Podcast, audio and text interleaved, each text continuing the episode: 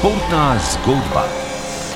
Včeraj je v Ljubljani gostovala najboljša odbojkarska ekipa na svetu. Italijanska Perugia je decembra v Braziliji osvojila naslov svetovnega klubskega prvaka, prepričljivo vodi v italijanski ligi in je po zmagi s 3 proti 1 za CH Volejem že osvojila prvo mesto v skupini E lige prvakov.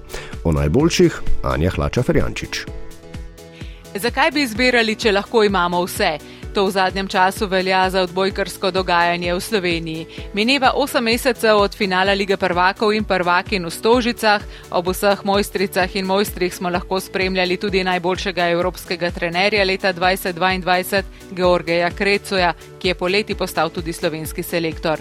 Manj kot pol leta je od svetovnega prvenstva v Ljubljani, ko smo na delu lahko gledali olimpijske in evropske prvake ter izvrstno slovensko reprezentanco.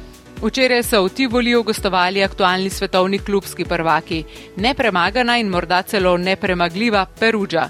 Najkoristnejši igralec svetovnega prvenstva in svetovnega klubskega prvenstva Simone Džaneli je kapetan izjemnega moštva, ki ni le skupek vrhunskih posameznikov, ampak tudi povezana celota, za kar je zaslužen tudi trener Andreja Anastazi.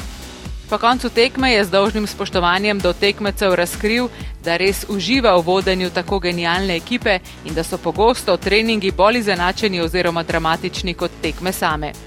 ACH Voli je igral pogumno, osvojil niz, za svojo prihodnost v Ligi prvakov pa bo moral čez dva tedna premagati turški zirat. Morda se je ob gostovanju Peruđa zdelo, da zahtevno slovensko športno občinstvo ni prepoznalo priložnosti in do zadnjega kotička napolnilo dvorane Tivoli. Vseeno pa veseli podatek, da ima ACH Voli v skupinskem delu zaenkrat drugo najvišjo obiskanost tekem med vsemi 20 udeleženci lige prvakov. Ob koncu odbojkarske zgodbe še to.